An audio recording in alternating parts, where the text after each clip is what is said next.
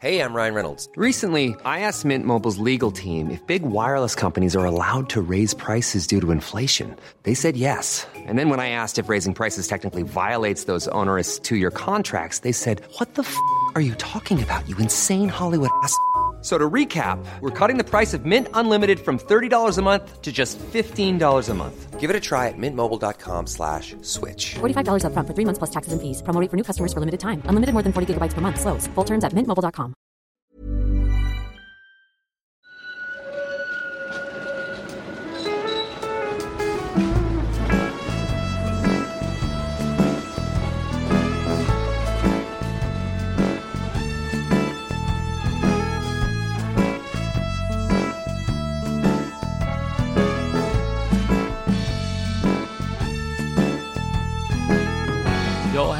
välkomna till podden Gator och torg i Göteborg. Eh, en satsning från eh, Göteborg Direkt med anledning av Göteborgs 400-årsjubileum som ju är i år och kommer gå av stapeln i juni. Jag sitter här med eh, Göteborg Direkts historieexpert och skribent Mattias Axelsson. Och vi är just nu på Magasinsgatan och närmare bestämt på 2112 restaurangen som ligger på den här lilla fina piazzan som plötsligt har fått ett namn. Makarna Todds plats upptäckte Precis. vi att det är ett liksom, nytt namn för den här lilla delen på Magasinsgatan. Jag vet inte om det är ett officiellt namn, men det står i alla fall på gatuskyltar kring de här restaurangerna Puta Madre och Brewers Beer Bar och 2112 som ligger här. Allt ska ha ett namn. Men vi ska återkomma till den här platsen för att vi börjar i eh, vid Lilla torget helt enkelt och kommer ta oss en slags eh, promenad från Lilla torget ner mot, mot Sociala huset, Pedagogen och ner till Vallgraven. Det här med Magasinsgatan, det är, det är en rätt gammal adress. Det är en gata som har funnits sedan nästan stadens grundande eh, 1621. Ja, Magasinsgatan är väl kanske den äldsta adressen vi har besökt än så länge. Den eh, fick ju sitt namn 1666 redan. Alltså någonstans 40 år därefter att Göteborg fick sina stadsprivilegier 1621. Och ni som lyssnar på podden, ni ska nu då få följa med oss på en liten promenad, som Kaj Martin sa, från Lilla torget till Salgrensgatan egentligen på den här gatan som har haft en ganska spännande historia. Eh, dels eh, under tidig del av Göteborgs historia, men framförallt kanske under förra seklet, under 1900-talet, att Magasinsgatan har förändrats väldigt mycket som gata. Promenerar man på den idag, 2021, en solig fredag eftermiddag som det är idag, så är det väldigt mycket liv och rörelser och det är mycket hippa butiker och liknande, men så har det ju inte alltid varit. Nej, men vi kanske ska börja med namnet Magasinsgatan. Det är ju lite lustigt med namn för att man tar dem för givet men sen så har ju alltid ett namn sin historia.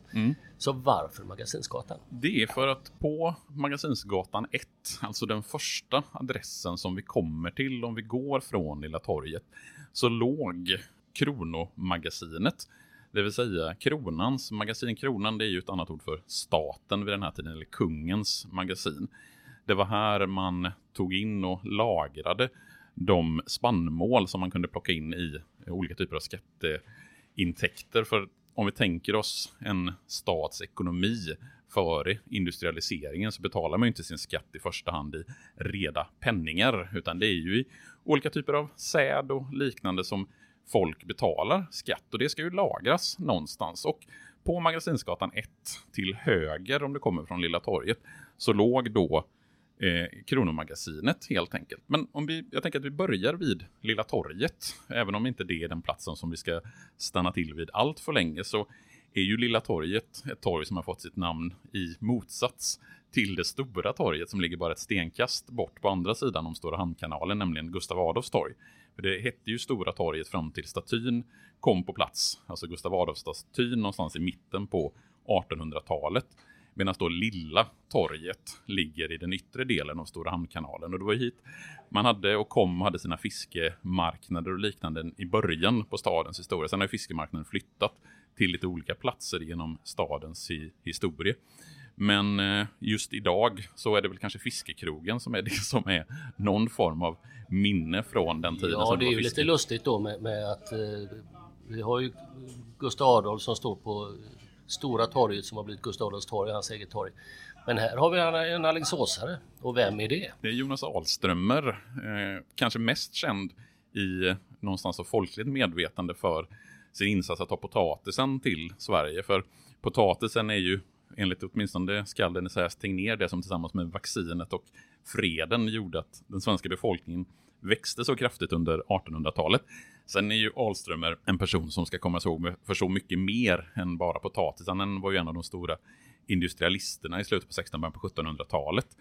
Och om vi, om vi då går vidare då till Magasinsgatan 1, den första adressen som vi har på, på höger sida, så var det ju då som sagt här som Kronomagasinet låg på den östra delen av tomten, alltså den delen som är mot Magasinsgatan. Och från 1804, och det här är viktigt att komma ihåg när vi går längs med Magasinsgatan fram, så finns det inga byggnader bevarade på Magasinsgatan. För 1804 så brann i princip hela den här delen som ligger väster om Västra Hamngatan eller Västra Hamnkanalen som det var då. Hela det området brann ner i en av de många bränder som drabbade Göteborg under framförallt 17 och början på 1800-talet. Så alla de byggnader som finns längs med Magasinsgatan är alltså senare än tidigt 1800-tal. Och det som är lite intressant däremot, det är ju att går man Magasinsgatan fram så hittar vi byggnader från snart när alla decennier på Eh, 18 och 1900-talet. Vi har byggnader från tidigt 1800-tal, vi har byggnader från mitten på 1800-talet, vi har från sent 1800-tal och vi har byggnader så sent som 1900-tal som ligger på Magasinsgatan. Och det som har funnits på tomten, det har bland annat varit till exempel biljardcafé, det har varit hotell, det har varit restaurang, det har varit värdshus, det har varit ölcafé. Och mellan tidigt 1900-tal och fram till 1966 så låg Hotell Neptun på den här adressen. Och det är Hotell Neptun som har fått ge namn till själva kvarteret, för det heter kvarter Neptunus, det här området. Och efter att Hotell Neptun la ner 1966 så har det varit kontor i den här byggnaden. Och faktiskt i mitten på 1980-talet så fanns det planer på att riva hela det här huset. Eh, och man lämnade in ett rivningslov. Så typiskt Göteborg. Ja, det känns väldigt, väldigt typiskt i Göteborg. Men som tack och lov så klarade sig huset från rivning och man föreslog samtidigt att huset skulle byggnadsminnesmärkas. Så nu är det förhoppningsvis inte någon fara på taket för det. Men om vi fortsätter längs med Magasinsgatan på vänster sida så är det ett hus som vi kanske ska skynda förbi ganska fort, men vill mest nämna det för där ligger ju hotell eh, eh, Elite Plaza nu och i bottenplan där ligger min stamkrog Bishops Arms som jag vill bara nämna lite hastigt. Men om vi traskar vidare längs med Magasinsgatan och hoppar lite tillbaka i tiden för då kommer vi till Magasinsgatan 3 och år 1978 för då var jag låg jag nyfödd förmodligen på mina föräldrars lägenhetsgolv i Västerås. Jag föddes i januari 1978. Men om vi kommer till, jag tror det är den 14 april 1978. Vad är det som händer här då på Magasinsgatan, Kai? Ja, det är möjligt att det har varit rock'n'roll på den här gatan innan, men eh, i en tid som var väldigt, väldigt spännande. Ett slags uppbrott från eh, dåtidens förhärskande progrörelser där ju Göteborg var ett starkt fäste med, med band som Nationalteatern och Nynningen och Sprängkullen Eh, Eh, med mycket konserter och sånt där, så, så kom ju punkrörelsen. Och i den här vevan så var det fem stycken killar var det väl som, som drog igång klubben Errols.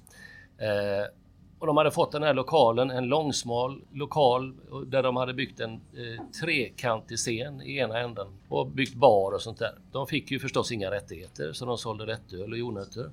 Eh, och det är ju svårt att driva en verksamhet på det. Men det var ett sånt tryck så att första kvällen så spelade Göteborg Sound och Röda Rappet tror jag. Ett proggband och Göteborg Sound var ju Göteborgs första punkband. Den spelningen var ju inte jag på förstås för jag var inte intresserad av Röda Rappet. Men på den här invigningen som ju då var helt fullknökat och kanske mer till så eh, skär sig sångaren i Göteborg Sound i kinderna med ett rakblad. En hastig manöver. Väldigt punkigt. Uh, och blodet rinner och konserten blir avbruten och han får transporteras till sjukhus för att sys. Jag är där dagen efter och det är, jag är helt euforisk. Det är en, en kö som räcker bort till Kungsgatan. Uh, jag sitter på axlarna som jag till för några år sedan trodde var gammalt Nostiks saxofonist axlar. Han är 202. Men det har visat sig att det var en annan man eh, vars axlar jag satt på. Och deklamerade någon slags street poetry eh, och eh, var, hög på entusiasm, inte på någonting annat. Eh, och är så lycklig över detta som, som ny, nyfödd punkare, att, att få liksom vara med i det här sammanhanget. Det var helt entusiastiskt. Och sen drev ju de den här klubben med skiftande framgång, men det var väldigt mycket orkester som kom hit. Bland annat så gjorde ju Simple Minds eh, en av sina första spelningar här och det fick jag göra. Jag träffade dem då, eh, det var alltså 27 oktober 79. Så eh, berättade de att det här var den minsta klubb de någonsin har spelat på. Mm. Men Errols är ju verkligen en av de legendariska klubbarna och, och någonstans adresserna. Om man pratar med äldre göteborgare, jag brukar alltid prata med mina äldre kollegor som är födda på 50-60-talet och alla återkommer ju de till Errols och den betydelse som Errols hade för Göteborgs musikliv på sent 70 och in på 80-talet. Den hade ju verkligen det, men, men just på grund av att de inte fick rättigheter så bar det sig inte, så de sålde det och det blev Rockbox innan eh, några nya eh, delar av de som hade startat eh, tog över och det blev Errols igen. Eh, några år. Och de hade också en, det fanns också en svartklubb som hette Karelia kring 85-86 någonting. Jag hade min 30-årsfest där. Och sen blev det ju magasinet som också hade en stor betydelse, som också betyder mycket, som är ju nämnt i Håkan Hellströms texter till exempel eh, på 90-talet innan det eh, stängdes och har byggts om rätt eh, omfattande här och blivit mycket restaurangverksamhet, vilket är jättetrevligt. Och nu ligger väl Brewers Beer Bar just ute i hörnet på Ja, vi, sitter, vi sitter ju granne här precis med, med Errols och den entrén som var.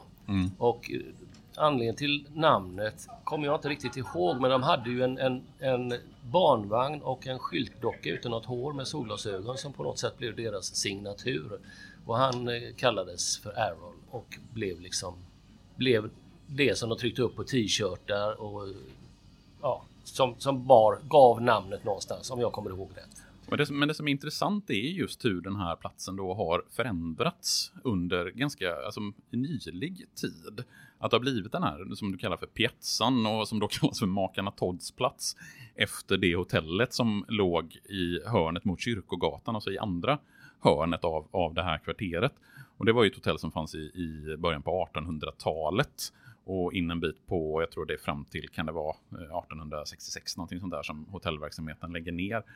Och sen har ju även Maurits Svensson eh, från Maurits Café, Maurits Kaffe, haft eh, verksamhet i, eh, i den delen, alltså Magasinsgatan 5, den delen som är mot eh, hörnet Kyrkogatan, eh, Magasinsgatan. Eh, och sen så 1978 så flyttar kaféet till, eh, till Fredsgatan. Och det är inte heller jättemånga år sedan som den verksamheten tvingades lägga ner på grund av för höga hyror. Så, så det här är ju liksom en plats som har en historia, verkligen Makarna Todds plats och Magasinsgatan 3. Verkligen. Och runt hörnet just på, på Kyrkogatan, där hade ju då Göteborg Sound sin replokal i, i ett bostadshus på ett rivningskontrakt. Det huset är rivet nu. Så där såg jag min första punkkonsert i Göteborg i mars 1978. Eh, och eh, kommer dit och eh, står nere på gatan och undrar var är det någonstans. Och så öppnas fönstret från fjärde våningen och så är det någon som kräks och så tänker jag wow, punk. Här är och så, så går jag in. punk. så går jag in och så får jag se Göteborg Sound för första gången. Det var Ja. en jättehärlig spelning. Nej, men om vi, om vi tittar på huset som ligger mitt emot oss, där vi sitter, och mitt emot gamla Errols, så är ju det ganska intressant just för att det är, alltså det kvarteret, det är två väldigt olika hus. Att om du står med den här delen där vi sitter i ryggen, så har du på vänster sida eh, ett hus som är byggt på tidigt 1800-tal. Det ligger en, jag tror att det är en sushi-restaurang som ligger i, i bottenplan på det huset nu mot Magasinsgatan. Och från början så var det också, det var ett magasin till det huset som låg på Drottninggatan. Drottninggatan är ju den gatan som går tvärs emot eh, mot Magasinsgatan på andra delen. Medan andra delen av kvarteret som blir då Magasinsgatan 10, det är ett helt nästan nybyggt hus där White, White Arkitekter har sin, eh, sin verksamhet. Så det är liksom två helt olika stilar som ligger precis bredvid varandra. Och jag tycker det är ganska typiskt för Magasinsgatan som sådant, just att det blandas väldigt mycket gammalt och nytt om man tittar på själva arkitekturen. Och det, är, och det är lite roligt för det gör man ju inte för det är en sån trång gata så att man går ju egentligen och tittar i skyltfönster och tittar inte på arkitekturen. Vilket är lite synd för det är en spännande gata. Och det är verkligen någonting som man kan uppmärksamma lyssnare på att när man går in i Göteborg, alltså passa på att titta på de hus som faktiskt ligger på gatorna, för det är väldigt mycket spännande byggnader. Och kommer vi sen till, om vi fortsätter Magasinsgatan fram och tänker oss att vi går förbi Makarna Todds plats och sen så kommer vi till Magasinsgatan 7. Där har vi ett helt annorlunda, det är ett hus som är byggt 1980 i någon form av gult tegel, väldigt typisk 80-talsarkitektur som inte alls passar in med den här 1800-talsarkitekturen. Och där ligger ju en butik som heter Snabb. Precis. Och den har du... Ja men den är ju fascinerande och det, det är lustigt att du säger att huset är byggt 1980. Eh, mitt minne säger ju att Snabb har funnits där sedan... 1950, sen, 1950 faktiskt. Sen, sen 1803 kallt. Eh, inte riktigt, och, inte riktigt och, försvann i branden. Men, men, eh, nej, men du säger 1950. Mm. Ja. Eh, för, för då har den, jag är ju född 56, den har ju funnits där hela mm. tiden. men vad är, vad är Snabb för butik? Snabb är ju en, en sportbutik där du då eh, kan ta dina skridskor som du eller dina barn har vuxit ur. Eller övrig sportutrustning, skidor, vad det nu är Eh, byta för att få en, en ny utrustning med någon slags slant, slant emellan. Du kan också lämna in och, och, och han köper det. Eh, men oftast är det liksom snabbt byte där. Eh, och han, alltså det är lite att gå in som ett museum för det finns eh, lite sådana här eh, sportmuseala föremål som gamla hockeyhjälmar och handskar och skidutrustning och sånt där. Jättetrevlig butik och framförallt i en tid som väl än mer är, är slit och släng så kan det vara värt att, att veta att det, att det, faktiskt finns en butik där man värnar om eh, liksom en, en varas lite längre livslängd. Så det, det premierar jag. Och förutom att, att titta på hus och, och, och knäcka nacken uppåt så kan man gå in där och titta på liksom de här nästan utställningsföremålen som är. Det är väldigt roligt att titta. Och just här i hörnet så ska man ju verkligen knäcka på nacken och titta uppåt för i i det här huset på hörnet på Magasinsgatan 7 så sitter ju faktiskt en plakett ganska högt upp. Eh, där det står att här föddes skalden Bengt Lidner 1757. Och Bengt Lidner är ju framförallt känd för att ge ett upphov till begreppet den Lidnerska knäppen. Och en Lidnersk knäpp från början, enligt historien, så handlade det om att skalden Bengt Lidner ansågs vara en ganska medelmåttig skolelev med ganska medelmåttig begåvning. Men så helt plötsligt så knäppte det till i huvudet på honom och så fick han helt plötsligt ökad intellektuell förmåga och det är egentligen det som är då en Lidnersk knäpp. Idag så används det ju lite om allt möjligt när man blir bättre. En skidåkare på sista sträckan på stafetten kan få en Lidnersk knäpp om man kör snabbare än vad han brukar. Men det är i alla fall Bengt Lidner som föddes på Magasinsgatan, på den, inte i det här huset då eftersom det är byggt 1980, men på den här tomten så föddes han 1757 och det är han då som har gett upphov till namnet den Lidnerska knäppen. Fint! Du ser, det är så mycket som man lär sig då man eh, lyssnar på den här podden och det här visste inte jag om. Om vi promenerar vidare på Magasinsgatan så kommer vi nu till korsningen Kungsgatan som är ju den gamla stora paradgatan i Göteborg. Kungsgatan är ju den gata som liksom ska vara den stora paraden. Den går ju förbi domkyrkan och det var ju det som var den centrala gatan i Göteborg när Göteborg byggdes.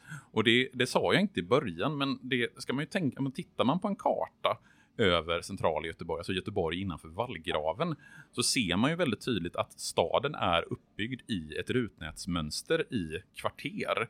Och det är ju därför som när vi går längs med Magasinsgatan så kan vi ju väldigt tydligt förhålla oss till de olika tvärgator vi kommer. Vi har Drottninggatan, vi har Kyrkogatan, vi har Kungsgatan, vi har Vallgatan som skär av i ett väldigt liksom, symmetriskt rutnätsmönster.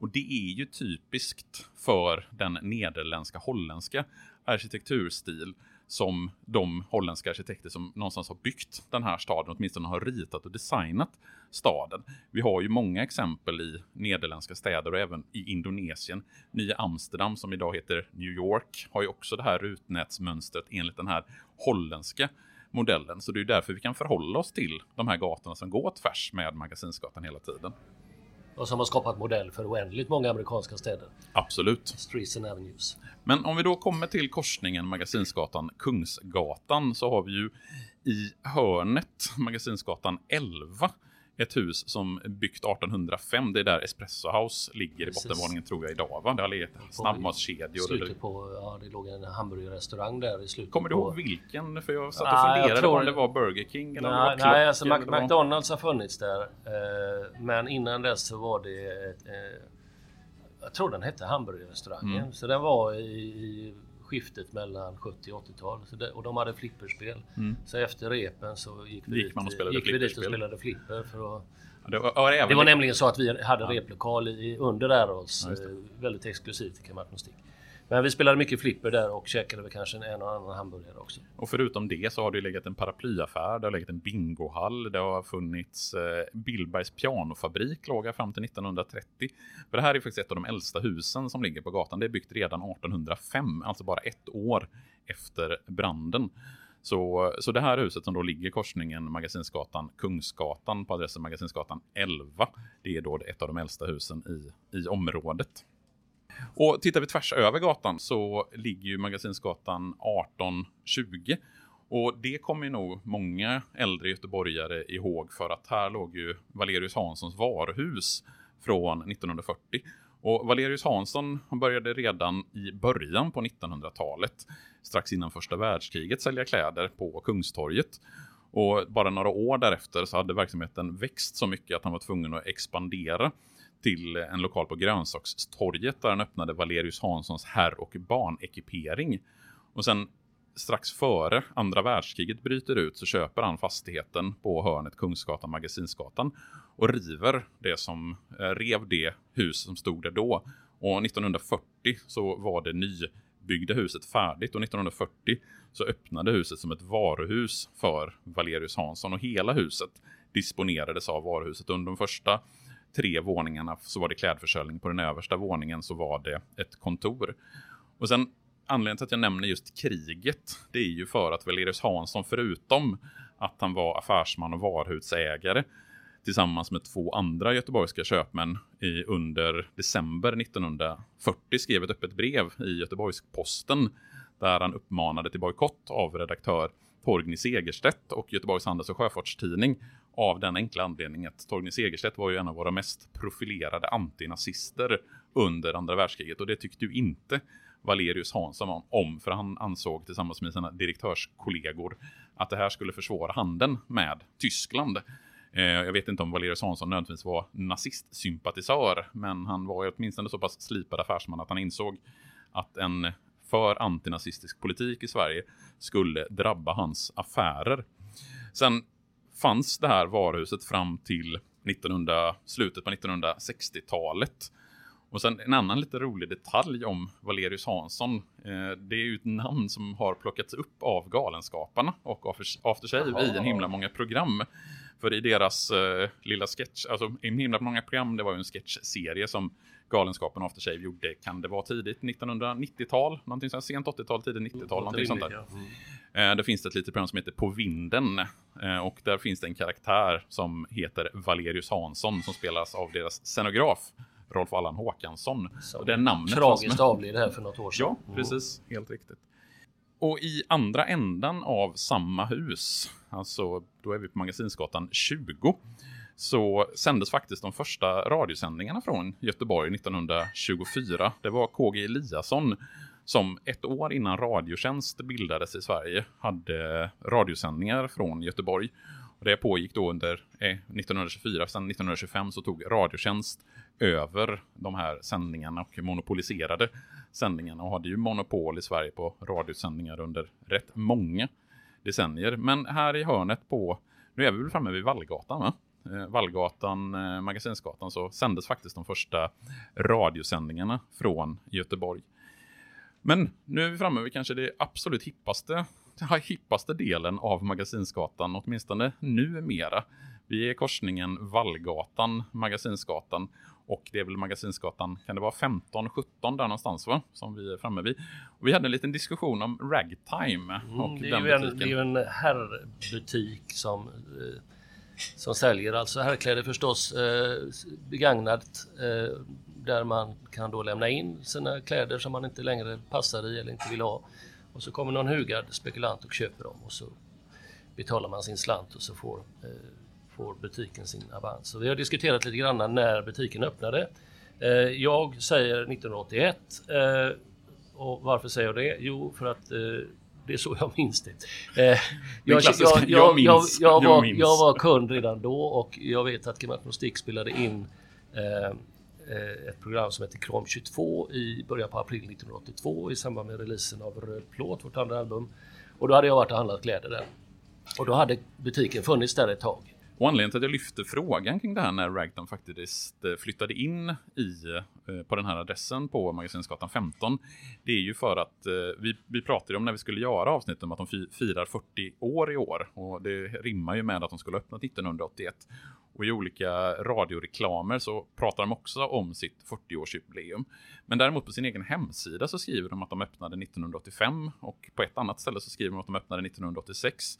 Och sen har jag även varit i kontakt med den nuvarande ägaren. Det är ju en ägare som har tagit över. Det är bara några månader sedan de bytte i ägare. var Ja. Ja. Vilket, och hon menade att eh, de öppnade där i början. Hon var inte exakt säker på vilket år det öppnade, om det var 1980 eller 1981. Men vi får gissa att det var 1981. Och sen bytte det lite, det var en an, lite annan typ av verksamhet som det blev 1985. Eh, att det är därför det står 1985 på hemsidan. Men det har funnits den, alltså att second hand-butiken har funnits där sedan 1981 och sen från 1985 så har det varit Kon- att man kan lämna in. konceptet, Ja. precis, konceptet med att lämna in kläder eh, blev väl då.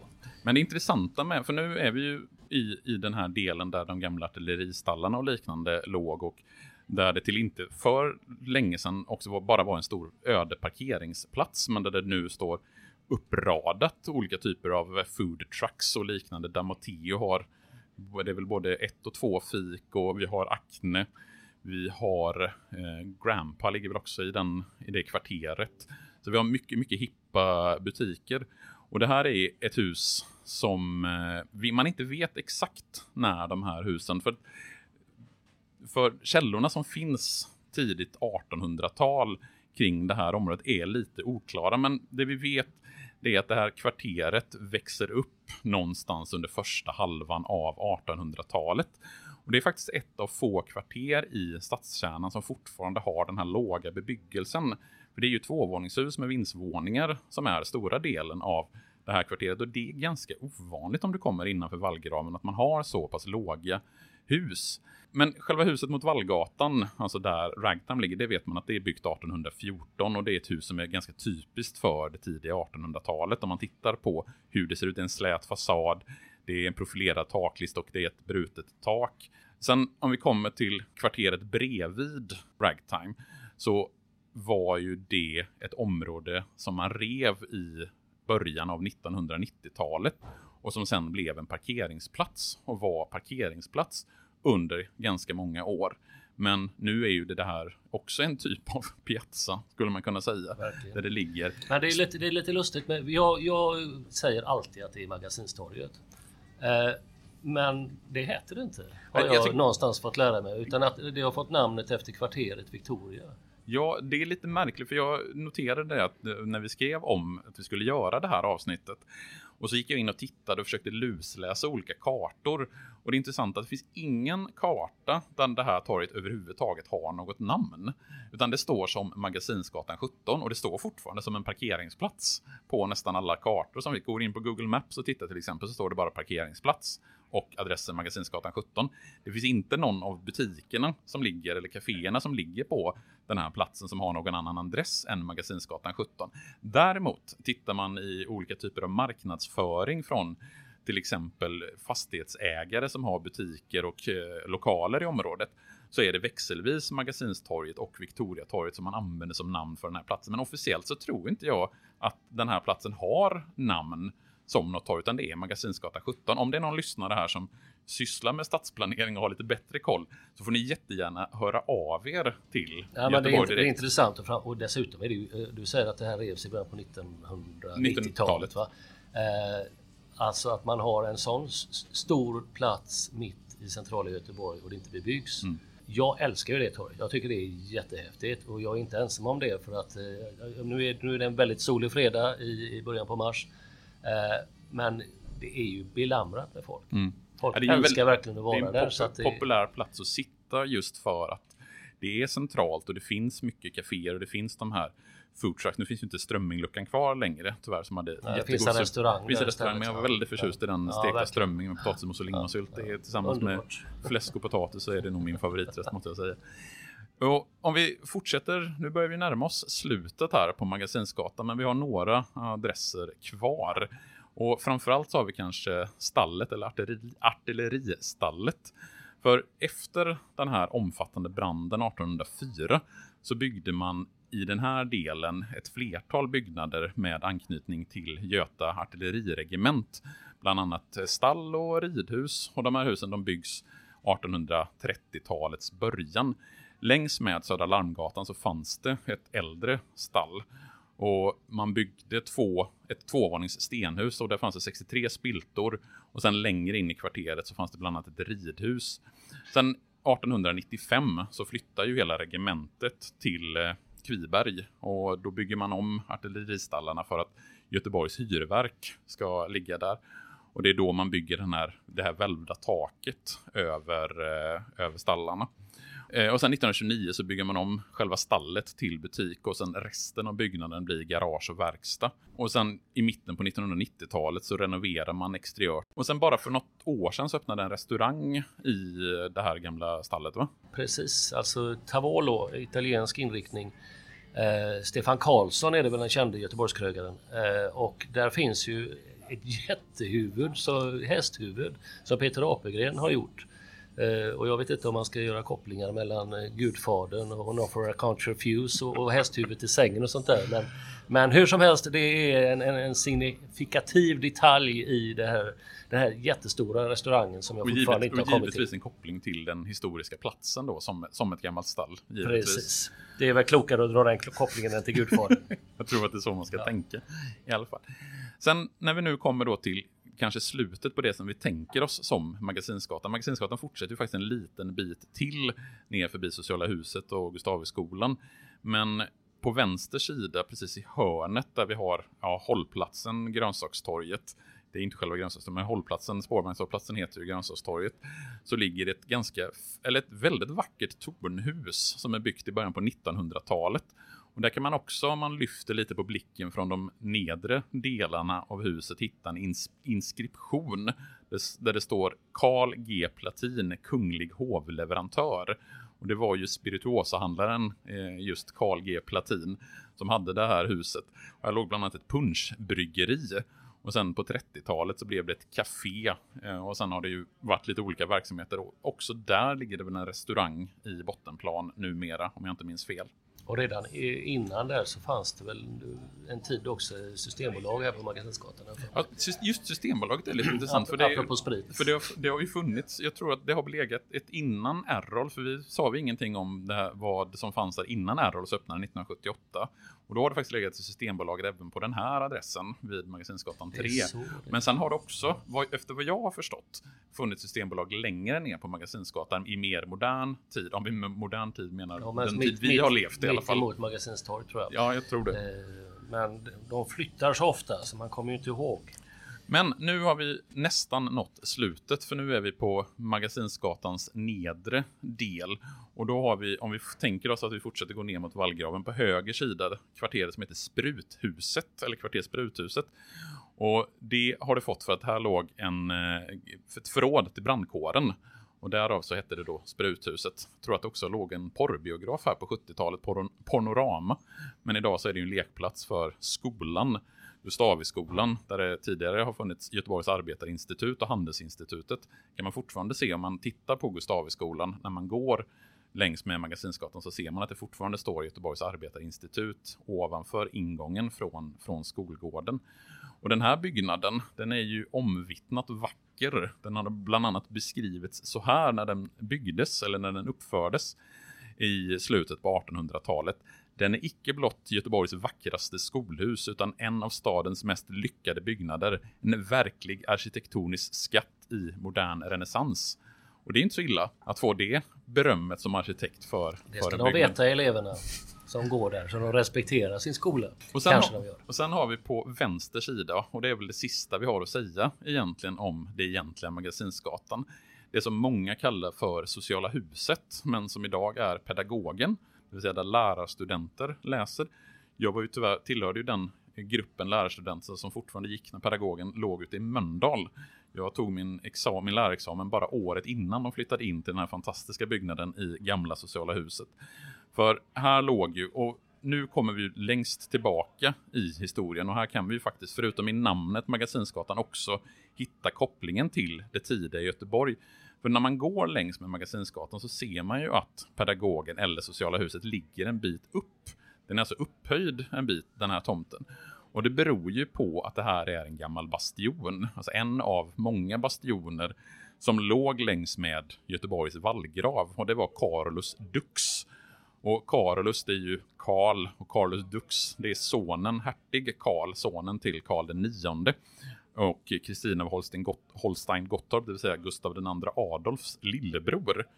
Och det huset som idag ligger på tomten, om vi bortser från den nybyggda delen som är inglasat och som är pedagogen, så var ju det Salgenska sjukhuset. För det huset det byggdes i mitten av 1800-talet just för att vara ett sjukhus och det hette Allmänna Salgenska sjukhuset och det är därför som den sista gatan längs med vallgraven fortfarande heter Salgrensgatan. Och tanken var från början att det skulle bli ett helt runt hus som täckte liksom hela delen så att det skulle vara som en ovalformad byggnad med plats för 300 bäddar. Men det blev bara den södra delen, alltså den mot kanalen, som uppfördes. Och istället så fick man 170, alltså ungefär hälften av det antalet platser som man hade beräknat från början. Och förutom sjukbäddarna så fanns det en kyrksal, det fanns bibliotek och det fanns direktionsrum. Men även om det var en stor byggnad så räckte den ju absolut inte till när Göteborg sen växte. Så i början på 1900-talet och till och med att det är år 1900 så flyttar man all verksamhet till nuvarande Sahlgrenska sjukhuset. Och sen så var det fattigvård och arbetsförmedling under många år och det är därifrån namnet Sociala huset kommer. Och numera så är det kan det vara sedan mitten av 00-talet som pedagogen flyttade in lärarutbildning och liknande. Och som en sista del av Magasinsgatan nu när vi har kommit ner hela vägen till vallgraven så har vi ju faktiskt under pedagogen. Och det går faktiskt att se, det går, det går inte att gå in där för det är igenbommat. Men går man längs med, om man går ner från Magasinsgatan och viker in på Salgrensgatan till vänster så kan man ju se en liten öppning här i muren och titta ner i den fuktiga, ska vi säga, källaren som är under gamla sociala huset. Och både du och jag har ju varit där nere. Vad var ditt minne av den delen här under? Ja, du nämnde fuktigt. Fuktigt och trångt. Och det är ju naturligtvis om man inte har... Nu, är det ju, nu har de ju satt in elektrisk belysning som man ser hyfsat väl. Men det är ju lite katakomber. Och det tillhörde ju försvarsverket som vi hade då eh, på den goda tiden. Och där bodde ju de här stackars soldaterna. Och jag förstår inte hur de pallade men eh, förmodligen fick de väl både brännvin och en slant för det. Och då är vi ju färdiga kan vi säga med Magasinsgatan eftersom när vi kommer ner till Vallgraven och Victoriabron så är ju Magasinsgatan slut. Tidigare så var ju resten av gatan som leder upp, som numera heter Victoriagatan, den hette ju faktiskt Övre Magasinsgatan fram till, jag tror att det är mitten på 1800-talet som den får namnet Victoriagatan.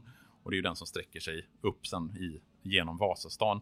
Men där är resan längs med Magasinsgatan slut. Och vi har tagit oss igenom egentligen alla Göteborgs århundraden från 1600-talets bastioner fram till dagens strömmingsluckor och 2112 och allt vad det kan vara här på Ja, det är vackert. Det har varit en väldigt trevlig promenad. Jag som heter Kai Martin som är nöjesreporter på Göteborg Direkt tackar Mattias Axelsson för detta. Och vi återkommer med en ny adress inom kort. Eh, och ni kan läsa en text om Magasinsgatan i Göteborg Direkt också så småningom. Tack för lyssnandet. Hej då. Hej.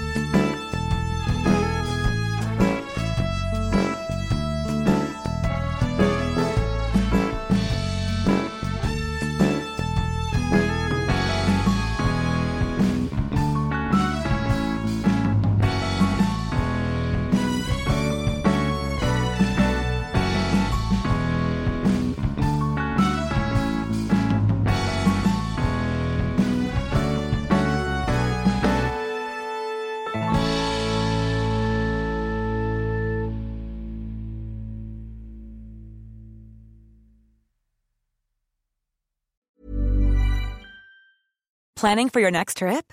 Elevate your travel style with Quince. Quince has all the jet setting essentials you'll want for your next getaway, like European linen, premium luggage options, buttery soft Italian leather bags, and so much more. And is all priced at 50 to 80% less than similar brands. Plus, Quince only works with factories that use safe and ethical manufacturing practices. Pack your bags with high-quality essentials you'll be wearing for vacations to come with Quince. Go to quince.com slash pack for free shipping and 365-day returns.